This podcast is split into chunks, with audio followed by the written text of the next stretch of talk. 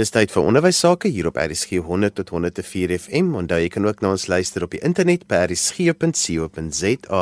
RSG word ook op DStv se audiokanaal 813 uitgesaai. Vandag gesels ons 'n bietjie oor wetenskap en eers gesels ek met Alta Greef, onderwyskenner en was ook baie jare lank 'n wetenskapnderwyseres, maar doen deesdae baie navorsing juis oor wetenskap onderwys in skole. Alta, kom ons praat eers oor as 'n mens praat oor wanvoorstellings in wetenskap onderwys. Wat bedoel ons daarmee? O, Johan, dit is 'n lekker vraag daai.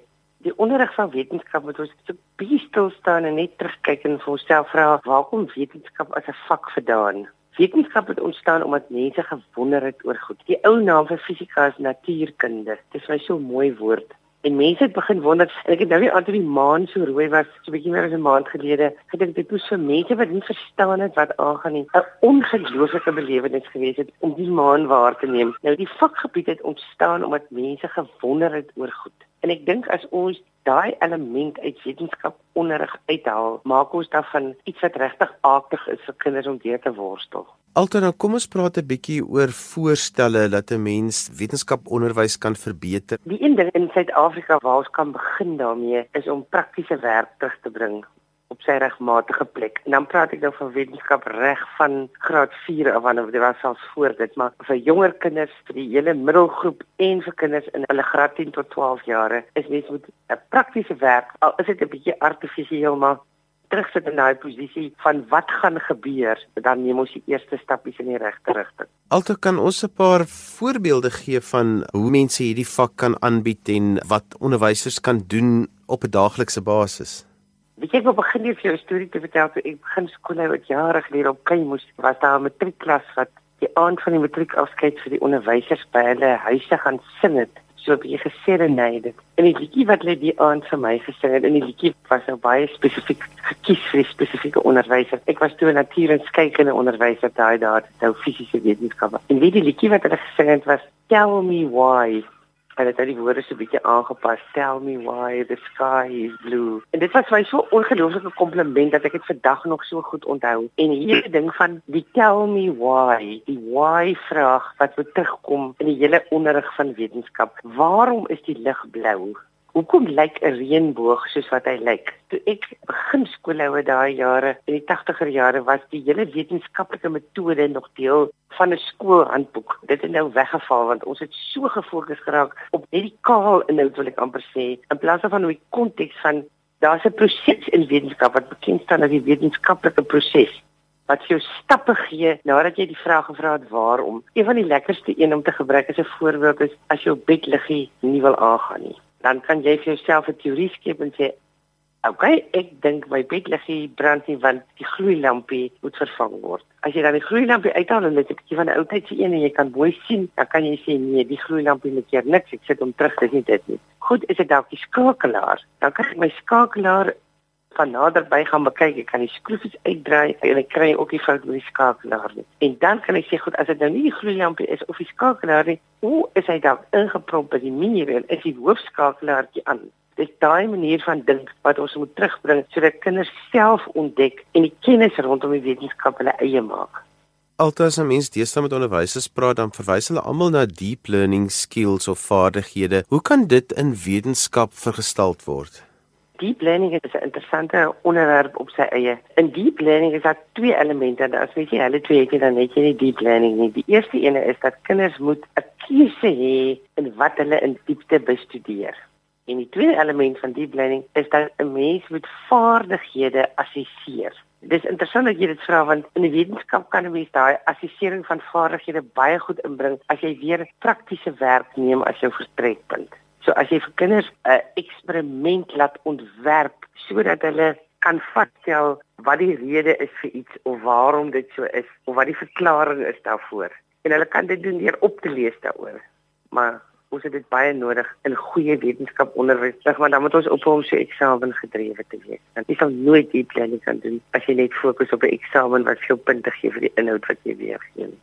Alter die ander woord wat by onderwysers ingedrul word is die feit dat 21ste eeu se vaardighede moet in alle klasse basies aandag kry. Hoe kan 'n mens hierdie vaardighede dan ook by wetenskaponderrig inbring sodat 'n mens die kinders se wêrelde kan oopmaak? 21ste eeu se vaardighede wat rondom die fees gaan word eintlik in wetenskaponderwys as 'n mens dit reg doen baie goed vervat. Die een wat waarskynlik die mense verwaarloos is in die verlede is goeie kommunikasievaardighede, maar kritiese denke, maar ek hou daarvan om na in 21ste eeuse vaardighede te dink as die sogenaamde global competencies. Met ander woorde, wat is dit wat 'n mens moet leer terwyl jy wetenskap studeer sodat dit vir jou vaardighede sal gee wat gesog is op 'n groot wêreldwye skaal soos wat jy nou 2030 toe beweeg. Om nou terug te kom na die wetenskap toe is daai natuurlike nuuskierigheid van kinders en jong mense wat 'n mens moet aktiveer en jy moet hulle kry om te wonder, tell me why, is die essens daarvan as jy 'n wetenskaponderwyser is en jy moet elke dag dink oor dit wat jy doen want refleksie is so belangrik dat ons gereeld sal dink oor wat doen ons met die kinders maar jy sit ook met caps aan die ander kant wat vir jou sê wat jy met die kinders moet doen. Hoe kry jy as onderwyser die balans tussen wat jy moet doen en wat jy graag wil doen en bereik en jou eie onderwysideale en filosofie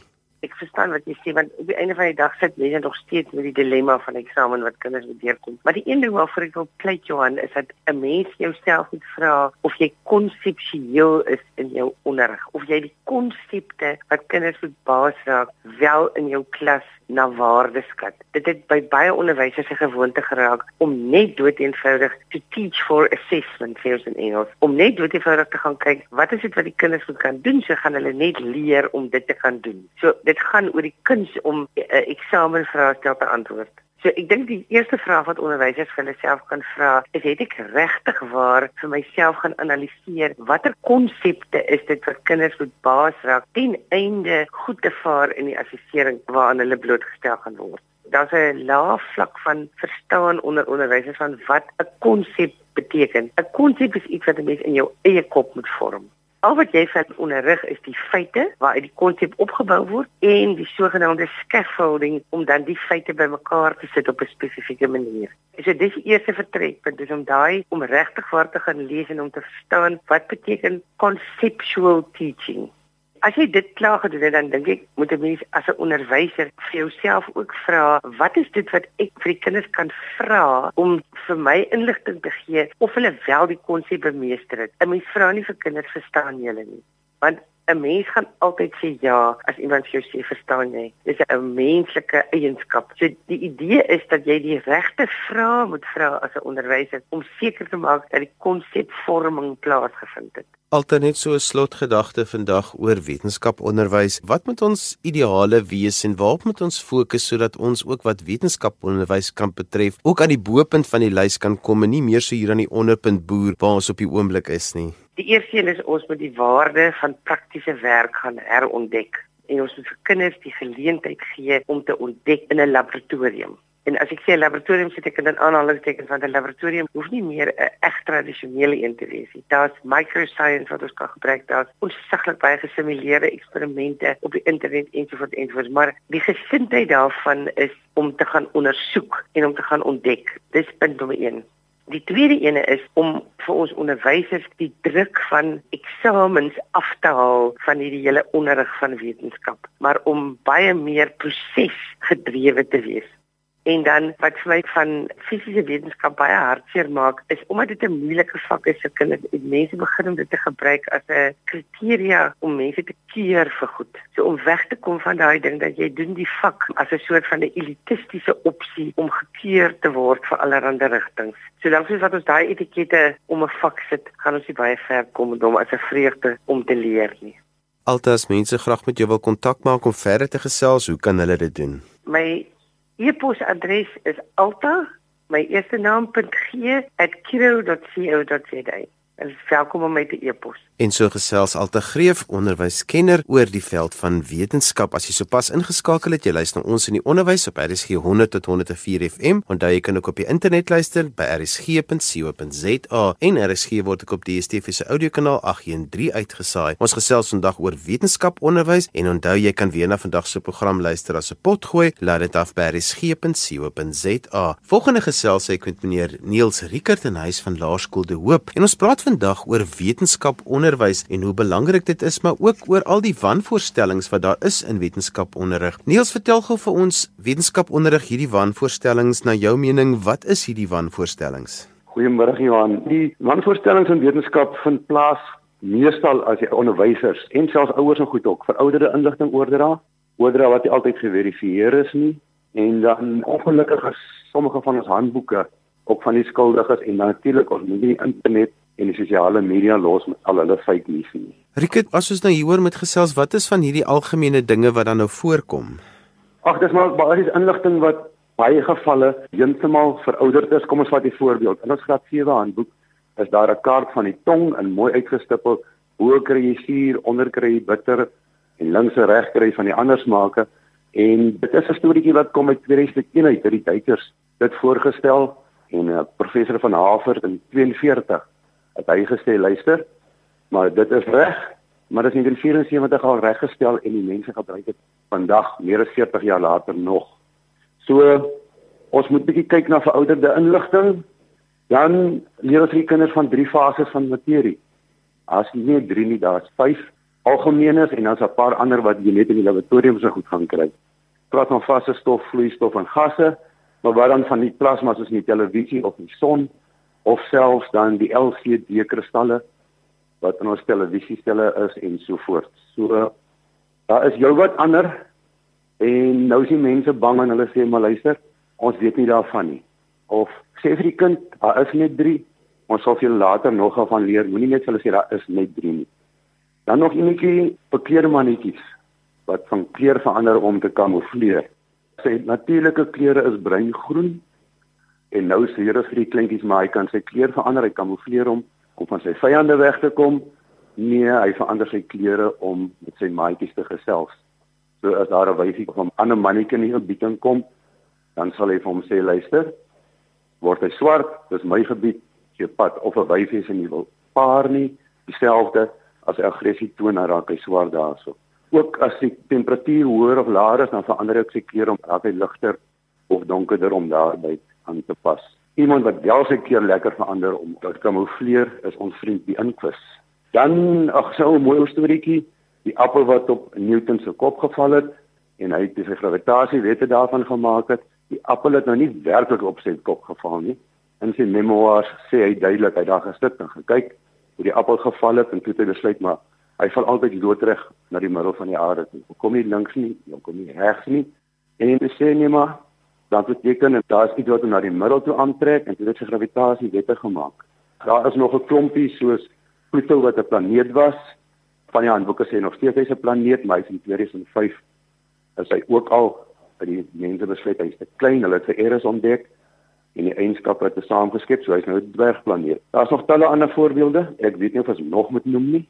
Rikke wat vir my die belangrikste is, is hoe moet onderwysers dan hierdie wanvoorstellings aanspreek? Ja, twee maniere. Eerstens, jy as onderwyser moet in die Engelse term op die bol bly met wat in jou vak aangaan. Lees koerante, lees die wetenskap tydskrifte, bly net by. En dan sê ek met my kinders ook maak nou stuur hulle uit om take te gaan doen, navorsing te gaan doen, dan sê ek vir hulle jy kom nie met een bron aan nie. Gebruik 2, 3, 4 bronne. As jy die verskillende bronne vat, dan vergelyk jy hulle met mekaar en dan kan jy agterkom of die feite reg is kyk na die betroubaarheid van die bron. Is dit 'n erkende wetenskaptydskrif of is dit een van hierdie nuustydskriffies waar die mense sommer net goed inskryf? Kyk as jy outeer. Iemand met die regte kwalifikasies, ek dink 'n professor in wetenskap se woord dra meer gewig as 'n persoon wat maar net sê op hierdie lig so baie op tans op die internet gebeur. Kyk na die data van publikasie, is daar nuwer inligting wat na die tyd voorgekom het. En dan die verband tussen die feite en die voorafkennis. Almal van ons het 'n redelike algemene kennis. Is dit logies of staan hierdie feit sommer heeltemal op as jy sê hier is iets nie lekker nie. Kom ons gaan kyk aan na kyk of dit reg is. Dis maar al. Wees versigtig met wat jy sê. Ek weet die handboeke neem ons altyd is reg. Ek het ook al gehad dat jy met die kom en sê die kinders kom net sê nee maar die handboek sê so maar ek was nou op die internet of BBC het vir ons dit uitgesaai. Dan sê ek, okay, kom ons gaan kyk, kom ons kry verskillende bronne. So, jy is altyd oop om te gaan kyk daarna. Rickert van die impak van die internet en van digitale bronne is nogal groot op wetenskaponderrig juis wat betref sulke wanvoorstellings en dat daar baie keer amper soos wat ons nou maar fop nuus kry kry mense ook baie keer fop wetenskaplike feite soos wat jy gesê het wat selfs nuwe feite is wat eintlik fop feite is is die waarheid dat mense weet van fake news ek maak 'n stelling ek wil 'n paar miljoen hits probeer kry en baie mense maak geld uit nou die wetenskap is ook mense wat sommer net hulle kommentaar lewer oor inligting nie reg is nie. Dis waarom ek sê gaan kyk weer nou wie die ou is. Kyk na die opmerkings die ander opmerkings wat volg as jy eers 'n vraag gevra het vir die internet en dan sien mos jy 'n klomp antwoorde en dan is nog mense wat kommentaar lewer op. Kyk of 'n ander ou wat gevra het maar sê ek het 'n antwoord gehad is jy seker van die feite Dis maar die beste wat ons kan doen. Ons moet ongelukkig vergelyk want soos jy sê alle feite is nie die waarheid wat op die internet is nie. Rikker, kom ons praat oor kritiese denke want wat jy nou heeltyd na verwys is dat kinders moet kan krities lees, hulle moet kan krities dink en hulle moet kan kritiese oordeel hê. Hoe ontwikkel 'n mens dit binne die wetenskapklaskamer want dit is eintlik 'n ideale platform waar 'n mens dit kan ontwikkel. Kritiese denke is nodig vir wetenskap maar wiskunde en vir die ander vakke goed ook. En ongelukkig sit ons nou met 'n probleem dat die kind uitkyk vir Google in, hy kry binne 2 sekondes 'n antwoord, klik op die antwoord, hy kies hom een en klik op die een. So dit gaan net aan en aan, dis blitsvinnig. Ons kinders kan nie meer regtig sit en lees en dan belangrike feite uithaal en dan die oordeel sal ons die gebruik of sal ons daai gebruik en dan hulle kan nie regtig dink nie want dit is alles blitsvinnig gekry die klomp antwoorde op die internet terwyl jare terug moes ons biblioteek toe gaan, gaan naslaan, verskillende bronne vat. Om dit te ontwikkel, lees, lees, lees. En dan begripstoetse. Vir die taak en goed vir die onderwysers uit gee hulle bronne, sê hulle hier is twee bronne, dit gaan oor dieselfde onderwerp, kyk daarna en dan vra jy hulle vra, laat die kinders leer om te vergelyk, maar hierdie ou sê ja, ek het nou met my kinders se taakie weer gedoen waar hy sê ja, die kinders moet nou vir besluit hierdie man sê nee Ons gebruik steenkool want dit is goedkoop en is baie. Hy gee nie om vir die aarde nie, maar die ander man sê nee nee nee. Ons het steenkool, dit is goedkoop. Ons kan dit baie lank nog gebruik, maar ons begin dink aan die besoedeling en die nagevolge vir die aarde, daarom moet ons eerder hernubare bronne goed gebruik. So jy moet goed laat lees en om dan lei om die antwoorde in goed te kry. Dis maar al wat jy kan doen en vergelykings van goed. Hy moet besef maar dit kan nie heeltemal so wees nie. Met ons leiding, ongelukkig moet ons dit in die laer grade doen. Maar as die kind nie verstaan wat hy lees nie, dan kan hy bitter min anders moet doen en krities dink en iets vergelyk. Jy is nou betrokke by 'n laerskool en dit is altyd vir my so belangrik dat die laerskole alreeds begin om hierdie kritiese vaardighede by kinders in te skerp. Dis nie iets wat 'n mens kan te laat voorwag nie. Dit moet van jongs af alreeds by kinders ingeskerp word. Beslis, die kinders het dit nodig. Hulle moet agterkom sosiale media, my selfoon, hierdie vinnige goed is nie altyd reg nie. Ek moet gaan krities aan en kyk, is dit reg? Ek moet gaan sê stop vir myself. Dit klink nie vir my lekker nie of dit lyk nie vir my lekker nie. En dan moet hy dit begin uitredeneer en planne maak en nog bronne kry en goed probeer. Selfs met eksperimente, as jy eksperimente en goed doen, jy gaan tog 'n paar probeer doen om uit te vind of dit werk. Jy doen nie net een en sê hier is hy werk en nou kan ek my resultate publiseer. Jy doen dit 'n paar keer en dis maar oefening die kleintjies moet dit aanleer. Hulle moet leer om dinge te doen, te lees en dan krities te dink daaroor. Rikert het so laaste vraag. Die ontwikkeling van kritiese denke is onderliggend aan die hele CAPS kurrikulum regoor al die leerareas. CAPS kurrikulum is baie vol. So hoe kry jy daai balans om hierdie kritiese denke te ontwikkel in die wetenskapklaskamer, maar ook nog om steeds hierdie hele kurrikulum te kom? Ja. Die kurrikulum is vol. Wat ons maak is ons probeer maar sekere dele minder belangrike dele wat ons dink vinniger feitelike dele vinnig doen wat jy nie baie kan krities dink oor nie. Maar as jy dan kom by die goed wat die probleemstelling is, dan staan ons bietjie stil. En ons wys hulle twee of drie verskillende bronne en dan sê jy van right, kom ons kyk, wat dink jy, is dit reg? Is dit verkeerd? Hoekom sê jy dis reg? Hoekom sê jy verkeerd? Ons doen 'n klasgesprek daaroor dat hulle ook agterkom hoe om te dink en hoe om te redeneer. Jy het jou wetenskaplike metodes en goed wat jy kan volg, maar die kleintjies moet oefen. Hy moet besef eerste ding wat ek sien is nie noodwendig reg nie. Ek moet na die tweede en die derde een gaan kyk en ek moet by die ander mense gesels en ek moet uitvind daaroor. En so gesels meneer Niels Rickert van Laerskool De Hoop. Niels, as mense met jou wil kontak maak, hoe kan hulle dit doen as hulle 'n bietjie verder wil gesels oor hierdie onderwerp? My kontak by die e-posadres enrickert@gmail.com. En ja, anders kan hulle my Laerskool De Hoop kontak en die sekretaresse sal my die inligting gee. En daarmee het ons gekom aan die einde van vandag se ons in die onderwys. Ons het vandag bietjie gesels oor wetenskap onderwys en onthou jy kan weer na vandag se program luister as 'n pot gooi. Laai dit af by resgep.co.za. daarmee groet ek dan vir vandag tot volgende week van my Johan van Lille. Totsiens.